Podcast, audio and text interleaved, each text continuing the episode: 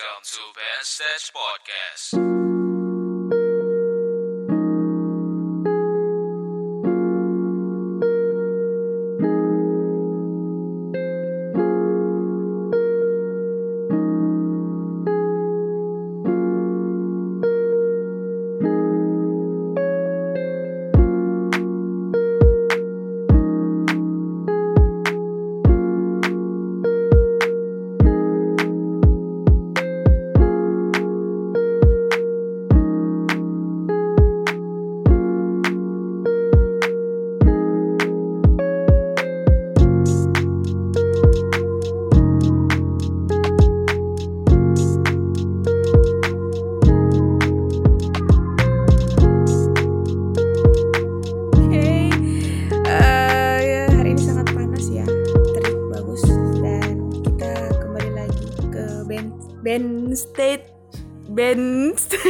Apa sih band state podcast Hmm. episode 15 Ya, kamu 15. ngomong band stage aja sweet. Band Band, stage. stage. podcast. Enggak, kebanyakan ini makan tahu tempe jadi udah nggak bisa lagi ngomong pakai bahasa Inggris Oke, episode kali ini kita akan bahas apa gitu? berat sebenarnya pembahasan hari ini tuh pergulatan seseorang yang akan memasuki umur setengah eh enggak bukan setengah seperempat abad. Perempat abad, 25 25 ke atas. 20-an juga sih kayaknya. tapi 20-an tuh belum belum terlalu sih. Hmm. 20-an itu ada sih yang masih 20 tapi masih apa ya anak-anak. Kalau menurutku orang yang istilahnya udah mulai strug- struggling dengan yang namanya apa ya dunia eh dunia. Jadi kayak dia sudah me- apa ya menatap sebuah dunia dengan nyata gitu. Wih bahasaku berat sekali. Dan dia mulai kesusahan akan hal itu. Eh, ya di umur 25 itu. Uh, by the way, ini kalau teman-teman dengar suara mesin, eh sorry banget, emang kondisinya lagi crowded di belakang. Maklum para pekerja aktif di weekend ya, sama Iya. seperti kita free-nya di weekend. Jadi ya akan sebisa mungkin editingnya akan direduksi sebanyak mungkin noise-nya. Oke, kembali pada topik kita. Eh, kenapa ngambil topik bahwa susahnya menjadi orang dewasa? Karena menurutku orang dewasa tuh susah gitu. Susahnya adalah kamu menanggung semua tanggung jawab baik secara internal, eksternal itu kamu terima sendiri, kamu lakukan sendiri. Kamu yakin kamu udah dewasa? memasuki tapi kalau istilahnya nih ya kalau di depan pintu baru kaki sebelah yang masuk Hmm. belum semuanya yang masuk Karena beberapa orang ada survei gitu nah, di di Korea kalau nggak salah. Jadi ada survei semacam eh, untuk mengetahui bahwa seseorang itu sudah masuk usia dewasa. Eh bukan masuk usia dewasa. Dewasa kan bukan usia ya. pantas Dewasa itu- dewasa Iya dewasa itu bukan hal fisik. Hmm, Itu hal apa ya dibilangnya? ya? Pikiran gitu lah ya. kematangan Iya, kematangan. Nah, itu ditanya orang umur 20 hingga 35 tahun tuh ketika dibilang dewasa, Hmm. itu mereka jawab "Eh, kebanyakan mereka belum dewasa. karena emang maksudnya dari dari riset itu ada indikatornya kah supaya kita ini bisa menilai nih sebenarnya kita ini dewasa apa enggak Menurutmu dewasa itu apa? Dewasa itu adalah ketika kamu tidak minta uang lagi ke orang tua. It's so simple, tapi ya menurutku itu. Terus eh, kamu mulai mengambil sikap untuk menyelesaikan masalahmu sendiri. Terus? Terus eh dua itu sih yang paling signifikan. Kalau aku menganggap orang dewasa itu pertama, masalahnya bukan hanya pada dirinya sendiri. Contohnya misalnya, ya kita masing-masing manusia punya problem sendiri-sendiri ya. Hmm. tetapi dia akan menghandle berbagai macam problem contohnya problem eksternal misalnya di kantor Hmm. problem di kantor problemnya bukan hanya pekerjaan tetapi mungkin tekanan kerja Hmm. Terus nyaman atau tidaknya lingkungan kerja Hmm. terus kalau misalnya ada masalah dengan orang lain misalnya kemudian dia harus memikirkan bagaimana dia bertanggung jawab sama orang tuanya misalnya terus me- mengatur kebutuhannya Hmm. kebutuhan dirinya ya bukan bukan hanya kebutuhan diri ya kebutuhan orang tuanya eh, mengurus orang tuanya dan lain sebagainya di situlah aku melihat kalau menjadi orang dewasa itu cukup sulit. Hmm.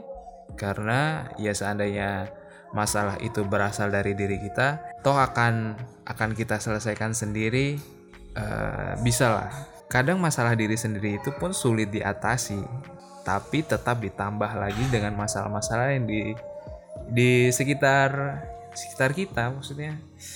Masalah-masalah yang kadang rumit gitu. Yang nggak ada pada saat kita masih kecil. Iya. Jadi pernah nggak kamu menyimpan sesuatu hal Hmm. yang kamu sembunyikan dari orang tua, Hmm. dari saudaramu? Hmm. Sesuatu itu cuma kamu yang tahu. Kalau kamu beritahu kepada orang tua, kamu takut orang tua sedih, Hmm. orang tua tambah pikiran, Hmm. Orang tua khawatir. Hmm. Pernah nggak kayak gitu? Iya pernah. Ada. Dan kamu udah sampaikan sampai saat ini. Enggak. Kenapa? Karena ya aku sedang berusaha untuk menyelesaikannya itu sendiri. Itulah letak susahnya menjadi Saya orang. Iya secara simpel misalnya kalau kita punya sakit misalnya Hmm. kita punya sakit yang yang memang tidak terlihat secara secara physically Basically. misalnya misalnya sakitnya ini deh eh kayak kayak kemarin kemarin aku punya usus terbelit gitu kan Mm-mm. itu aku udah menyimpan eh, hal itu semenjak aku SMA Hmm. semenjak aku SMA karena pertama dulu aku anggap orang tuaku ya bisa dibilang kami keluarganya pas-pasan lah waktu itu Hmm. dan aku tahu hal ini tuh akan bisa sembuh kalau misalnya dioperasi Hmm. itu berlangsung sampai aku kuliah semester akhir Hmm. jadi kurang lebih aku nyimpan itu 6 6 7 tahun Hmm. 6-7 tahun sampai akhirnya kalau aku nggak bilang ini akan makin buruk jadinya gitu Hmm. ya sudah akhirnya dengan segenap hati tekad akhirnya aku kasih tahu juga. ngomong kalau aku punya eh, kondisi seperti ini Hmm. dan reaksi orang tua pertama kali kaget dan mungkin eh, ada gejolak juga di hati mereka cuma mendengar jawaban mereka eh aku tuh Mbok ya bilang dari dulu-dulu Sebelum-sebelumnya. sebelum-sebelumnya Hmm. bahwa ternyata bisa kok tanpa harus disimpan maksudnya tanpa harus dirahasiakan selama itu Hmm. Nah cuma ya mungkin aku apa ya paksa dewasa ya kayak maksudnya maksudnya Berarti Bapak pada saat itu apa ya? eh SMA itu Bapak sudah dewasa berarti. iya, Karena sudah apa ya? Dengan pemikiran seperti itu kan berarti Bapak sudah merasa bahwa "Ih, sudah sudah sudah mikir gini nih bla bla bla kalau nanti gini nanti bakal gini nanti bakal gini ya memang bapak, bapak paksa dewasa berarti iya maksud- maksudku nah di situ maksudnya letak dari susahnya menjadi orang dewasa jadi bahasanya berat. Aku kalau disuruh apa ya buat ngebahasnya ini sebenarnya berat ini. Semalam tuh udah disuruh ayo nanti dipikir ya apa apa aja yang ini berat cuy kalau buat mau mikir apa aja yang mau di ini tuh berat. Emang tapi gitu, kalau Dek? kalau apa ya ditanya kamu merasakan dirimu itu? Ya saya ini sudah mulai mendewasa. Itu adalah ketika uh, lulus kuliah ya orang setiap lulus kuliah tuh kan pemikirannya lulus kuliah jebret dapat sarjana udah sarjananya ini diadu lah ya eh, buat cari kerja. Apalagi beberapa teman-teman yang lain tuh ada yang baru lulus ih tahu-tahu udah dipanggil ke perusahaan kayak gitu kan. Jadi aku mulai merasa pusing itu adalah ketika aku berusaha untuk bisa kerja. Hmm, itu dan tanpa bantuan orang tua Ah, betul. Ya, karena kan dari kita SD, SMP, SMA itu orang tua yang ngurus semua. Berkas orang tua yang ngurus semua. Sampai kuliah pun juga dibayarin sama orang tua semua. Jadi ketika lulus kuliah, ya inilah waktuku untuk eh, mencari apa ya? eh sesuap nasi untuk diriku sendiri. Kayak gitu. Dan itu susah. Di situ baru kepikiran bahwa oh ya, saya sudah mulai mendewasa dan harus sudah apa ya bisa mikir nih ayo kamu mau melanjutkan kehidupanmu di mana Eh, situ sih iya. ngerasa mulai mendewasa tuh di situ Kembali dari kalimat pertamamu tadi, ketika lulus hmm. kita mencari kerja. Hmm. Nah, di situ ada namanya eh, proses pendewasaan juga, yaitu ketika kamu menghadapi sebuah persoalan atau menghadapi sebuah kenyataan bahwa pertama ketika kamu lulus, kamu masih harus berjuang dan mungkin dalam beberapa percobaan atau beberapa rekrutmen kamu nggak lolos. iya Dan ketika kamu menghadapi tatanan sosial, hmm. ketika kamu dihujat, kemudian ketika kamu dinyinyirin misalnya, Hmm. "Eh, sarjana kok sampai sekarang belum kerja, kerja. Itu yang bisa menentukan kita dewasa atau enggak. Hmm. Ketika kita memutuskan untuk tetap fokus, tetap mencari kerja tanpa mengambil atau memasukkan kalimat itu ke dalam hati, Hmm. menurutku itu sebuah proses pendewasaan yang Pendewasaan. baik. Ada juga ketika dia sakit hati, dia menyimpan dendam dan dendam itu diakumulasi menjadi sebuah tekad yang baru. Hmm. Itu juga bagus. Cuma eh, dampaknya adalah ketika mungkin sudah bekerja, dia akan menyinyir para pekerja yang eh para calon-calon pekerja yang mungkin belum bekerja. Hmm. ya Ya, Jadi ada saya semacam sudah dendam. Iya. mengalami itu saya mengalami situasi itu Nah, kalau kamu masih dendam, ya bukan bukan bukan bukan saya yang dendam iya iya saya maksudnya korban yang didendamkan sepertinya iya maksudku kalau kamu masih dendam berarti eh, belum benar-benar dewasa. Karena menurutku orang dewasa itu lebih kalem pemikirannya, lebih fokus pada tujuannya. Hmm. Kalau apa ya orang yang apa ya aku mau bicarain itu dia penendam juga nggak sih maksudnya dan apakah dia sudah dewasa nggak sih ini aku malah jadi interaktif nanya sama kayak kayak nanya ke psikolog nih yang apa ya kalau ini kan istilahnya eh, rasa dendam dia untuk bertekad Eh, untuk lebih. Tapi kalau rasa dendam dia adalah untuk menyinyirkan yang belum dapat, itu berarti belum. belum dewasa. Belum dewasa. Dia akan menjadi dewasa ketika misalnya dia dendam nih. Nah, Terus dia udah sukses misalnya. nah, Nah, dia punya keinginan, dia punya kuasa untuk sombong misalnya atau nyinyirin orang. Dia punya kemampuan itu. nah, Meskipun dia pintar ya, hmm. tapi dia menahan dirinya. Ah ya, Ah, di situ proses belajar dia juga. benar sih. Kalau apa ya? Ah menemukan beberapa teman-temanku yang istilah dia menolak jadinya, menolak untuk menjadi dewasa. Kenapa? Em, ya mungkin kalau kayak kita gini kan kita pasti punya punya case masing-masing ya dan eh, apa insya Allah kita bisa lah eh, menghadapi itu gitu. Karena ya memang harus dihadapi kan. Iya. tapi untuk beberapa kawan-kawanku yang apa ya soalnya sudah terlalu sering mereka mengatakan bahwa mending gak usah dewasa aja gitu. Mending jadi anak kecil aja gitu. Yang apa istilah ngetrennya sekarang dia masalah dia cuma satu PR matematika ya kan? Hmm. apakah karena apa ya saking sulitnya sampai mereka harus mengatakan seperti itu kayak udahlah nggak usah jadi orang dewasa Nggak bisa karena eh, umur nggak bisa bohong. iya sih Ketika ya udah umur 20-an, umur 30-an, orang nggak akan menilai kamu tuh anak kecil lagi. hmm. Tapi kamu tuh adalah orang dewasa yang berpikiran anak-anak atau yang apa bisa biasa dibilang apa ya? childish childish Chil- childish, childish tuh genit bukan sih? kanak-kanakan kekanak-kanakan. kanak-kanakan Contohnya kayak gini, eh, segala sesuatu misalnya, sesega- segala satu persoalan itu harus selesaikan hmm.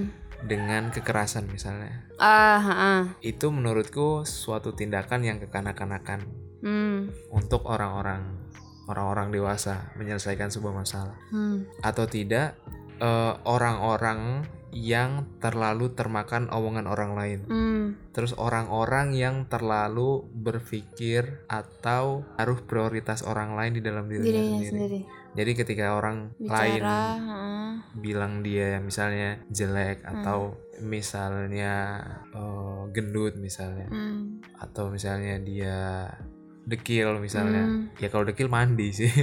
Maksudnya maksudnya something yang physically itu memang udah Tuhan ciptakan seperti itu. Hmm.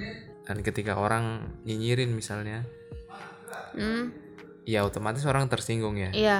Tersinggung iya jadi marah juga sih. Jadi marah. Enggak tapi kan maksudnya yang di garis bawah itu kan kekerasan gitu. Di jadi garis- apa-apa udah udah udah pakai emosi apa-apa udah langsung "Oh, udah gini aja. Yang paling sering buat cewek-cewek tuh langsung bikin status. Nah itu itu di itu banyak di banget sih. di sosmed. Iya. berarti kalau mau aku lihat banyak ya ternyata orang-orang yang yang seharusnya dia harus mendewasa tapi dia tidak dewasa dewasa iya. Nah itulah kenapa orang dewasa banyak bahayanya.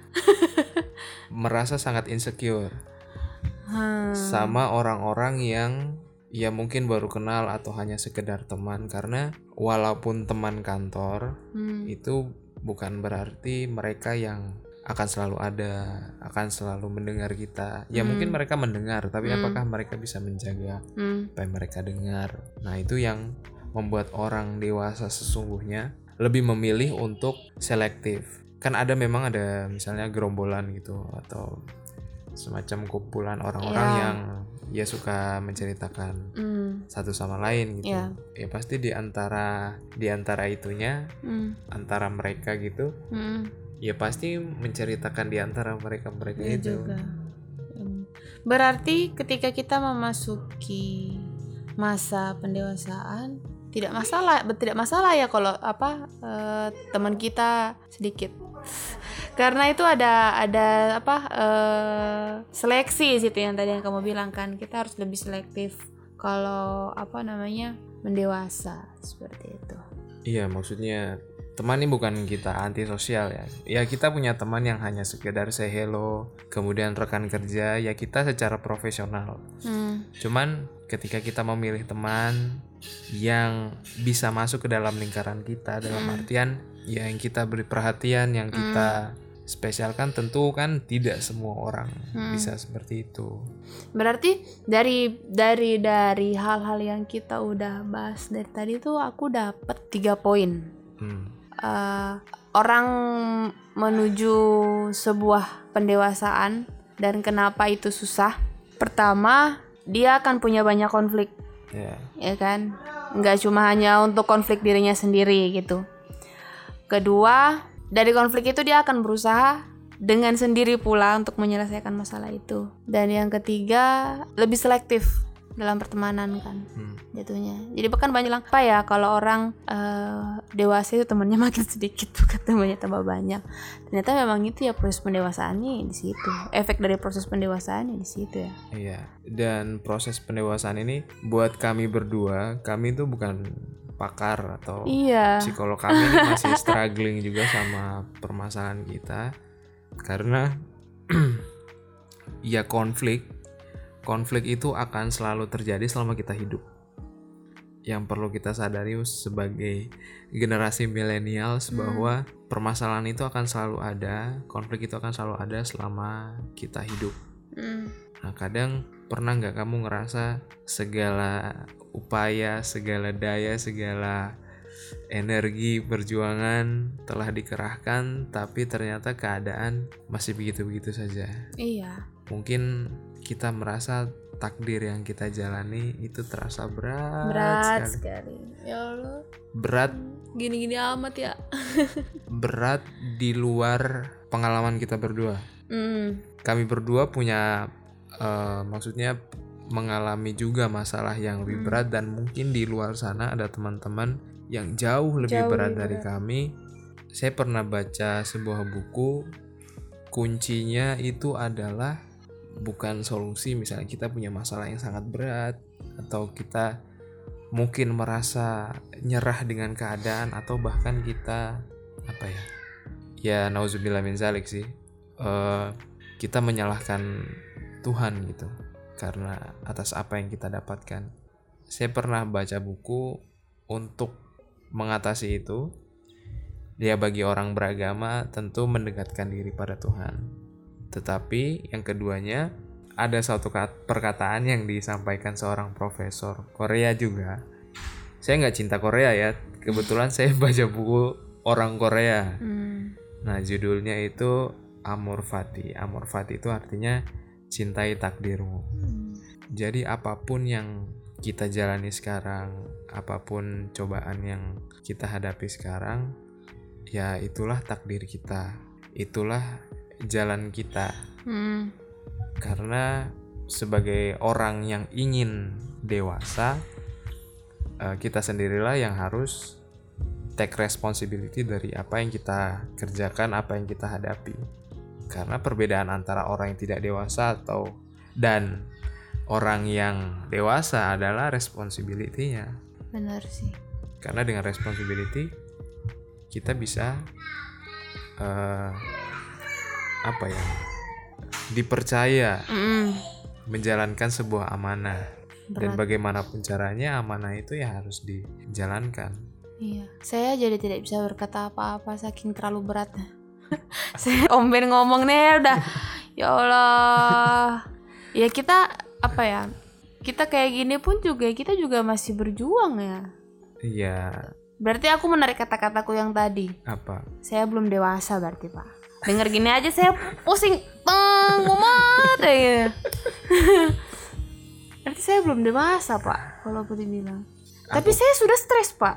Atas kehidupan saya yang memasuki Nah, kamu umur. stres berarti Iya. sekarang stres Iya. ya itu lagi proses pendewasaan Iya. ya aku ngomong berat ini karena memang nggak semua orang mau ngomongin ini nggak semua orang mau menerima kenyataan bahwa mereka udah dewasa mereka udah umur 25 26 30-an Hmm.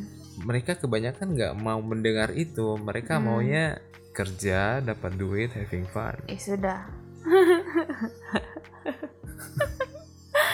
Aduh, sampai sampai ada yang harus harus harus bilang nggak orang dewasa aja lah. Gitu. Bahkan ada juga yang ngomong gini, saking dia pusingnya dengan dengan apa ya proses pendewasaannya dia dia ngomong gini udah nikah aja gitu biar ada yang ngurusin nah itu beda cerita lagi gitu menurutmu kenapa Ap- itu salah benar Enggak lah, nikah tuh sebenarnya nambah perkara aja sebenarnya, nambah mumet. jadi enggak, ya. bukan bukan berarti saya menganggap bahwa nikah tuh jelek enggak gitu. Tapi dari kalimat yang terangkai itulah yang yang apa ya, seolah-olah bahwa kamu menghindari takdirmu gitu. Kamu tidak tidak tidak Lari menerima dari masalah ya? Iya, menerima eh, masalah yang datang padamu gitu. Malah kamu lari dari masalah, nambah masalah sebenarnya, Hmm. ya kan? Terus kalau kamu nikah, terus masalahmu yang ngurus siapa? Pasanganmu kan nggak mungkin, karena pasanganmu kan juga punya masalah itu. Itu lagi tuh proses pendewasaan buat orang-orang yang suka ngomong udah mending nikah aja. Nih dari sini saya ingin menyampaikan bahwa bukan seperti itu caranya. kalau dasar menikah karena biar masalah itu kelar gitu ya karena mungkin anggapannya menghadapi secara berdua gitu ya. Hmm, sejatinya orang menikah itu kan mempersatukan dua keluarga. Hmm, otomatis mempersatukan dua masalah yang ada. Hmm, itu dia. ditakutkan kalau misalnya niat kita untuk menyelesaikan masalah ya pasti masalah itu akan nambah banyak berbeda kalau misalnya kita berniat untuk beribadah misalnya Hmm, atau tidak atau tidak kita berniat karena kita memang sudah mampu baik secara eh, agama baik secara ilmu baik secara eh, kematangan emosional dan juga keluarga merestui misalnya hmm. Nah, itu pernikahan akan menjadi apa ya? Rasanya mungkin ya kami berdua juga belum menikah jadi ya masih membayangkan saja kalau misalnya niatnya saja untuk menyelesaikan masalah itu sepertinya bukan alasan yang tepat untuk menikah. Kamu butuh dewasa dulu kan? Berarti kan bukan sebuah proses pendewasaan lagi. Ini salah satu contoh nih, bukan proses pendewasaan lagi di situ. Ya memang begitulah berat menurut menjadi orang dewasa tuh sangat berat. Saya pernah sampai harus menangis sejadi-jadinya Heeh. Karena saking pusingnya harus menyelesaikan apa ya sebenarnya. Sebenarnya bukan kewajiban sih. Bukan kewajiban menurutku. Tapi ya itu sudah sebagai takdir yang harus saya jalani. Nangis sampai mata udah sembab kayak udah nggak ngerti lagi mataku di sebelah mana. Kamu mau cerita nggak masalah yang paling berat selama kamu hidup? Masalah yang paling aku nggak mau lah kalau cerita masalah yang paling berat dalam hidup. Cuma ada beberapa hal yang yang yang yang aku pikir tuh eh apa ya ya di situlah ada proses pendewasaanku gitu. Yaitu masalah kerjaan. Mungkin eh apa ya beberapa teman-teman yang mendengar ini tuh merasa bahwa eh Gisdani apa ya sebagai wanita terlalu ngotot sekali sebagai wanita karir gitu. Sampai segitunya harus harus apa? Harus ngejar sebuah kerjaan gitu. For your information karena saya anak pertama dan saya masih S2 sampai sekarang. Dan posisinya ketika saya tidak apa ya tidak bekerja itu mem- memberatkan orang tua saya. Karena saya masih punya adik dua lagi di bawah. Jadi sebelum saya apa ya kuliah S2 itu pertama kali lulus yang saya pikirkan adalah saya sudah harus bisa kerja. Karena eh, hitung-hitungan nih jarak jarak jarak jarak saya sama adik yang pertama itu adalah enam tahun jadi posisinya pas nih. Ketika saya lulus dia nambah setahun lagi kuliah. Hmm. ya kan? Berarti saya harus lepas dong dari kuliah. Saya harus kerja jangan saya lagi yang dibayarin gitu. Ternyata setahun dari setahun dari itu nggak dapat. Nggak dapat. Kemudian eh, bingung. Di mana lagi ya saya harus harus apa ya daftar kerja gitu. Ada yang udah sampai di akhir gagal lagi terus tiba-tiba orang tua ngomong gini lanjut S2 aja. Itu bukan bukan bukan apa ya? Bukan sesuatu yang melegakan Mm. buat saya. Karena ketika orang tua bilang udah lanjut S2 aja daripada nganggur sambil kerja gitu. Entah kenapa kata yang pertama kali saya keluarkan adalah gini mam finansialnya ada Hmm. materinya ada. Terus aku langsung mikir gini kok aku bisa ya ngomong kayak gitu langsung gitu terus orang tua bilang ada udah Eh, belajar aja gitu. Mungkin memang jalannya ya kamu harus S2 ya sudah akhirnya daftar lah S2 cuma niat untuk ingin bekerja tuh masih kuat. Sampai sampai apa kuliah sampai sekarang eh sudah sudah sudah sampai tesis sekarang gejolak untuk ingin kerja tuh masih ada. Makanya selama kuliah tuh eh setiap ada lo terus sampai pada akhirnya penerimaan CPNS nyobalah di situ. Untuk pertama kalinya eh apa pengen jadi PNS gagal.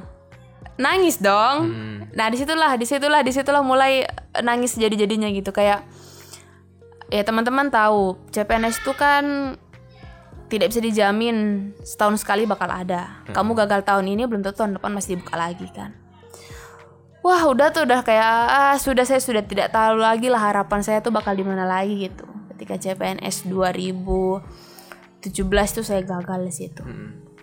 sampai apa ya akhirnya mau nggak mau saya harus nelpon orang tua. Padahal sebenarnya kan ya sudah lah kita coba lagi tempat yang lain itu. Tapi di tapi oh saya bukan nelpon orang tua ada orang tua saya yang nelpon saya pak. Nanya hasil. Padahal saya berharap untuk tidak ditelepon. Nah.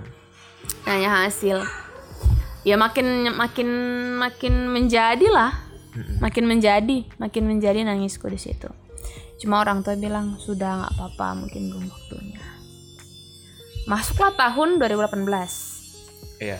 buka lagi 19 kayaknya itu ya. 2018 tesnya di 2018 ya? akhir. Oh, iya, iya. 2018. Coba dong. Eh, Dicoba lagi.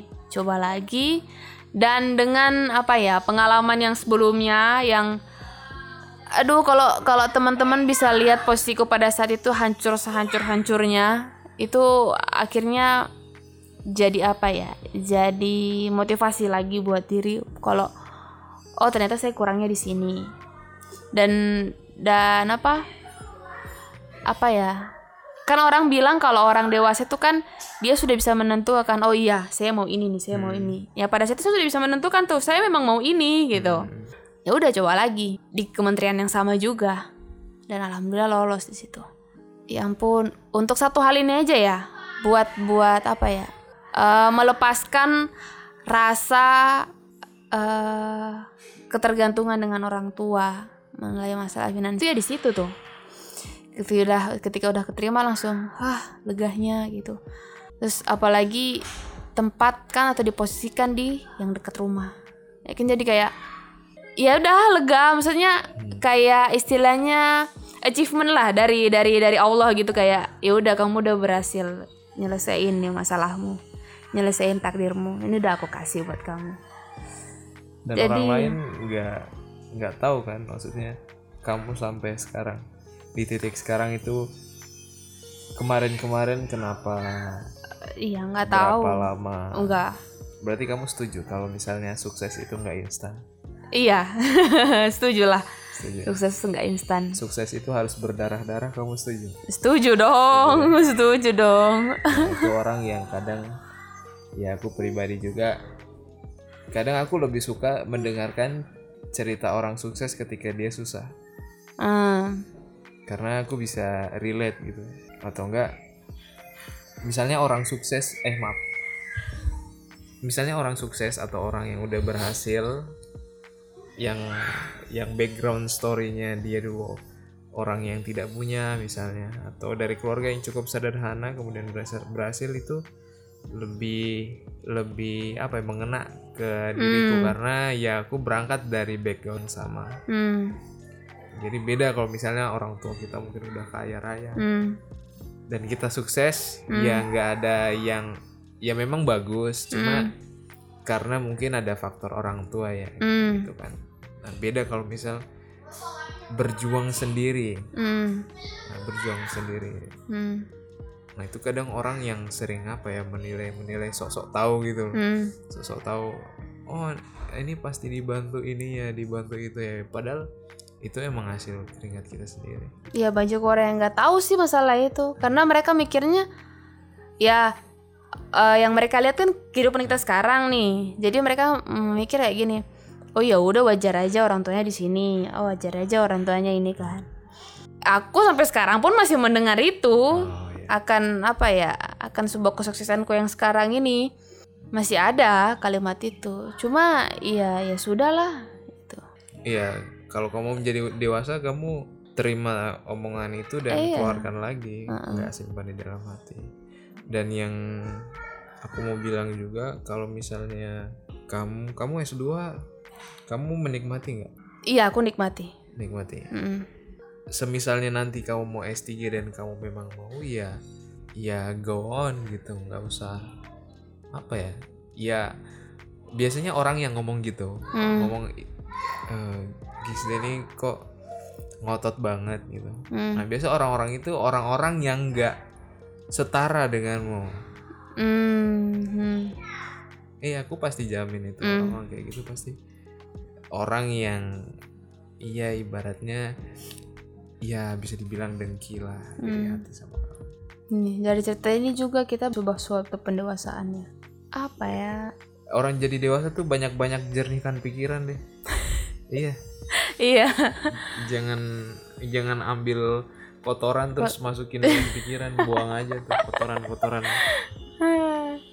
ya itulah susah aja jadi orang dewasa. Itulah maksudnya kalau teman-teman nanya eh punya nggak sih sesuatu hal yang mau kamu ceritakan itu? Salah satunya ya seperti itu. Pendewasaan untuk diriku sendiri, terus pendewasaan diriku terhadap orang lain yang menganggap bahwa ya aku tuh gampang-gampang aja gitu, lurus-lurus aja gitu. tapi ya sudahlah sebenarnya banyak sih proses-proses pendewasaanku Mm-mm. eh dari yang satu yang tadi yang aku ceritain tuh banyak bahkan dari zaman aku kuliah pun juga aku merasakan yang namanya proses pendewasaan tuh ada di situ gitu. Hmm. kalau masnya sendiri gimana dari tadi kan saya yang cerita nih Kalau aku eh, pertama aku orangnya nggak kadang. yap Sekalipun besok misalnya nih tugas kerjain malam ini, hmm. Tapi aku udah ngantuk banget, tapi besoknya dikumpul, aku pasti tidur dulu baru bangun subuh ngerjain. Hmm. Jadi aku nggak bisa mentolerir kalau aku ngantuk, Iya. Anda kalau ngantuk memang jahat. Dia kalau ngantuk bisa makan orang, guys. Aku lapar masih bisa tahan, tapi kalau ngantuk, kalau emang aku ngantuk, aku harus tidur. Dan tibalah suatu saat ketika aku kok udah ketawa dulu deh. Karena saya sebagai partner Anda mengetahui Anda seperti apa. Tapi kan di sini kita berbagi cerita buat teman-teman Iya. kan. Jadi ya pantaslah ketika saya harus bertanya dan Anda menjawab Iya. itu. Jangan ketawa dulu makanya. Ya enggak, enggak, enggak tawa. Nah, kemudian suatu saat tibalah eh, fase di mana aku udah lulus. Eh, pernah eh, Bang Panji bilang gini, orang yang pintar di bidang akademik atau di sekolah adalah orang-orang yang pintar dalam menjalankan perintah. Hmm. Jadi ketika misalnya kita sekolah, kita rajin, Hmm. guru kerja tugas A, tugas B, kita kerjakan semua. Namun ketika kita lulus misalnya, Hmm. tidak ada yang memerintah lagi, kita nggak tahu arah kita ke mana. Hmm. Random. Hmm. Banyak sih kayak gitu. Iya. Dan aku sempat, sempat maksudnya ya kehilangan, maksudnya mau apa gitu, mau mau ke mana jelas, maksudnya pengen kerja ke sini ke sini ke sini, tapi step-stepnya itu nggak tahu sama sekali. Nah di situ belajar, maksudnya dari berbagai macam proses rekrutmen, sempat sempat untuk ini oh, ada yang nangis. Nah, dari berbagai macam proses rekrutmen, bertemu dengan berbagai macam orang, alhamdulillah lama kelamaan terbentuk sebuah pola. Terbentuk sebuah pola artinya sudah berani sudah berani apa ya? Sudah berani untuk eh, mencoba, tidak takut gagal. Walaupun gagal-gagal terus. Iya, mungkin aku banyak banyak banyak sekali mengalami kegagalan dan men itu stres stres stres stresnya sampai-sampai setiap aku mau tidur itu hak- aku harus minum obat tidur bayangkan aku orangnya nggak bisa tolerir kalau ngantuk tapi kalau malam mau tidur minum obat tidur karena itu ya ya mungkin aku orangnya apa ya terlalu Thinking too much. Iya. Overthink, Overthinking. overthinking, overthinking. Jadi khawatir kalau bisa nggak ya jadi gini, bisa nggak ya jadi gitu, bisa nggak ngelakuin ini, bisa nggak ngelakuin itu sampai satu tahun lebih. Jadi aku mulai begadang tuh setahun itu. Jadi meskipun meskipun maksudnya udah taruh kepala jam 10 jam 11 gitu, itu mata nggak mau nggak mau tenggelam di dalam kenikmatan tidur pikirannya pasti ah pikirannya ke mana-mana. Jadi teman-teman yang misalnya lagi dalam fase fase menunggu ya fase menunggu dalam artian menunggu pekerjaan atau sedang melamar pekerjaan kalau bisa jangan sampai pikiran kalian itu nganggur. Kita mungkin nganggur secara pekerjaan tapi jangan sampai pikiran kita nganggur. Misalnya ya kita cuma di rumah atau kita cuma main wifi doang ya coba sibukkan untuk membaca buku bertemu dengan orang baru terus eh, ya menghadiri pelatihan apa seminar apa gitu atau enggak membantu orang tua misalnya Hmm. Bener-bener. karena hal-hal yang demikian itu tetap menjaga pikiran kita biar nggak kaku Hmm. biar nggak biar PD kita tuh nggak hilang gitu Hmm. karena kalau kita terlalu banyak di kamar kita akan apa ya yang aku rasain sih kalau kebanyakan di kamar tuh PD-nya PD-nya tuh nggak nggak nongol. Nggak maksimal. Nggak maksimal. Jangan kan buat maksimal keluar aja enggak ya? Eh, iya. Iya. makanya dulu aku ngecek di ngecek psikologi gitu kan di internet. Dulu aku tuh orangnya introvert. Nah semenjak nganggur aku jadi ambivert jadi extrovert introvertnya nyampur. Nyampur. Karena itu aku sadar kalau misalnya aku kurangnya ini. Aku tuh nggak bisa ini. Bagaimana caranya aku bisa gini gini gini? Hmm.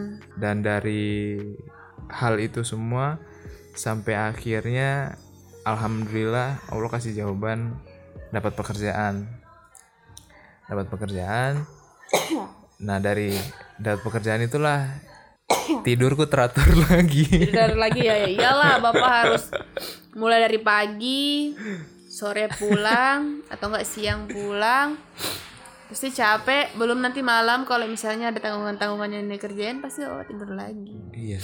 Tapi untuk semua apa ya eh, orang yang memang posisinya dia masih nganggur syukur-syukur kalau dia ada kegiatan ya. Maksudnya dia punya hobi itu mending. Tapi kalau dia nggak punya hobi atau tidak tidak bisa menggali hal apa yang ada pada dalam dirinya ya dia bakal mengalami hal yang sama yang seperti kamu rasakan. Nggak bisa tidur. Mungkin ada orang yang ya itu seperti itu. Dia nggak punya dia nggak tahu mau ngapain. Kalau katanya Gary V hmm. itu test some shit. Hmm. jadi keluar coba semua hal rasakan semua hal Hmm. kamu nggak akan pernah ketemu passionmu kalau kamu nggak pernah mencoba sesuatu betul. kamu nggak berusaha untuk mencari bisa jadi kamu nggak nggak punya hobi atau nggak punya kesukaan karena memang kamu belum banyak merasakan Hmm. hal-hal di luar sana gitu jadi kalau bilang "Ah, ah, saya nggak punya hobi ya keluar coba cari apa ikut apa Hmm. pa- pasti ada dan apa ya kebanyakan dari kita aku bilangnya kita ya karena diriku sendiri juga pernah mengalami itu gitu. Eh, lebih suka melakukan hal yang sudah ada Hmm. ketimbang harus mencari hal apa yang harus dikerjakan. Jeleknya kayak jeleknya manusia deh mungkin kayak gitu ya. Jeleknya manusia tuh mereka cuma mau ya kerja apa yang ada aja gitu ketika dia nggak tahu di ketika dia nggak tahu harus harus apa harus berbuat apa ya udah ngapain gitu. Hmm. jatuhnya cuma bilang nggak bisa nggak tahu nggak punya gitu kan. Dan itu pun juga ya aku alami sendiri gitu. Dan caranya adalah ya kamu cari cari. Bahkan yang mungkin kamu pikir kamu nggak nggak nggak bisa di situ gitu. Ih ternyata pas kamu coba kamu bisa di situ ribet ya kalau kalau kalau ngebahas tentang pendewasaan tuh. Udah pembahasannya udah ke mana-mana. Coba apa ya pada intinya sama sih yang kayak kemarin yang kita bahas. Jalani aja. Iya. hidup tuh santuy aja. Dijalani aja. Iya dari perjalananku sampai sekarang ini aku mendapatkan sebuah pemikiran Hmm. bahwa kalau kata Kenny Beats itu don't overthink shit. Hmm. Jadi jangan terlalu berlebihan dalam memikirkan sesuatu. Nah itu kena banget sama aku. ya kamu yang kayak gitu kan Iya, karena aku orangnya overthinking. overthinking Dan in the end of the day, hal yang kita overthinking kan atau sesuatu yang kita takutkan itu sebenarnya nggak terjadi. hmm. Kita masih bisa hidup, Masih masih, bisa hidup. survive. Orang-orang masih bisa menerima kita. Cuma memang kalau orang yang terlalu pemikir, dia akan selalu berpikir the worst thing, Hmm. hal yang terburuk. Boleh berpikir tentang hal terburuk, tapi jangan melupakan untuk memfokuskan pada hal-hal yang baik juga. ya Nah kadang karena terlalu takut, jadi sudah eh, segala pilihan-pilihannya kemudian di apa ya, ibaratnya ditarik lagi, nggak dijalani. Jadi saya setuju sama Kenny Beats, sahabatnya Om Ben Beats. sahabat Amin. nah itu don't overthink shit. Hmm. Jadi cintai takdirmu, eh, jalanilah sebaik mungkin. Itu sih. kalau dari aku kalau dari kamu gimana sebelum kita tutup nih kayaknya udah udah cukup lama Udah cukup lama 50 menitan iya 50 menitan nanti pasti diedit jadi sedikit tit. enggak dong. Oh enggak. Bakal di ini semua nih. Ya tergantung bagian operatornya aja teh yang ngerjain. Saya kan di sini numpang lapak orang jadi tinggal jadi aja plek plek plek langsung jadi. Intinya dari yang sudah kita bahas tuh yang di depan sampai yang di belakang sampai udah nyebar ke mana-mana ada beberapa hal yang kami mau sampaikan ke teman-teman bahwa eh menjadi orang dewasa itu intinya survive-nya tuh semua di diri kita sendiri. Terus eh sakit rasa ya kita penam sendiri, cari jalan keluarnya sendiri, obatnya cari sendiri. Terus meskipun takdir itu berat, tetap harus dijalani. Amor fati kata kata apa? Kata Om Ben bahwa ya, cintai takdirmu. Ketika kamu mencintai dia, bah maka kamu akan tetap bersamanya ya. Meskipun sesakit-sakitnya ya tetap akan dijalani ya. Iya. Yes. itu aja sih. Semuanya pasti berlalu. Semuanya pasti berlalu. Dan pasti bakal akan ada lagi yang datang. Iya.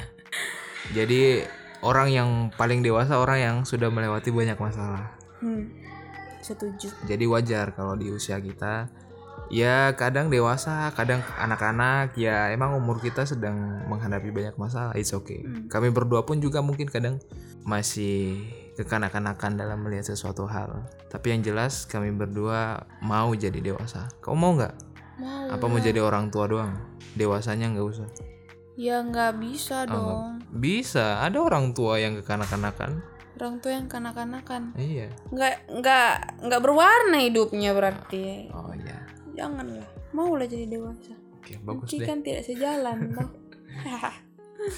Oke, sudah kita usaikan saja pembicaraan ini. Oke. Daripada ner makin ngomot ya. kita aja yang bahas habis ini kita pusing bersama, apalagi yang dengar. Gantian Bapak yang nutup ya. Oke, eh, terima kasih udah teman-teman, udah teman-teman. Udah tuh, ya kan? Mulai pusing kan? Ah, ngomongnya udah tidak tertata. Terima kasih buat teman-teman yang udah mendengarkan Band Stage Podcast. Eh, aku berharap eh, teman-teman yang dengerin, please give me some feedback karena aku tahu pendengar Band Stage Podcast ini lebih dari 10 orang. Hmm, Cuma mereka itu saya nggak tahu siapa aja. Nah maksudnya ketika kalian beri feedback atau say hi lewat DM Instagram atau komen di postingan iya. ini tuh saya bisa reply balik Hmm. karena aku tahu rasanya cinta bertepuk sebelah tangan tuh nggak enak makanya makanya aku tuh pengen membalas membalas kebaikan kalian dalam mendengarkan Stage Podcast Iya, mumpung mumpung Om Ben masih punya waktu untuk membalas reply. Nggak, aku insya Allah akan meskipun aku sibuk nanti aku bakal nyediain waktu untuk para pendengar band Stage Podcast. Eh, kalau rasa podcast ini bermanfaat, silahkan share ke teman-teman yang lain. Eh, saya Om Ben dan Gisda Amalia. kami berdua pamit. Sampai ketemu di episode berikutnya. Dadah. Dadah. Assalamualaikum warahmatullahi wabarakatuh. Waalaikumsalam warahmatullahi wabarakatuh.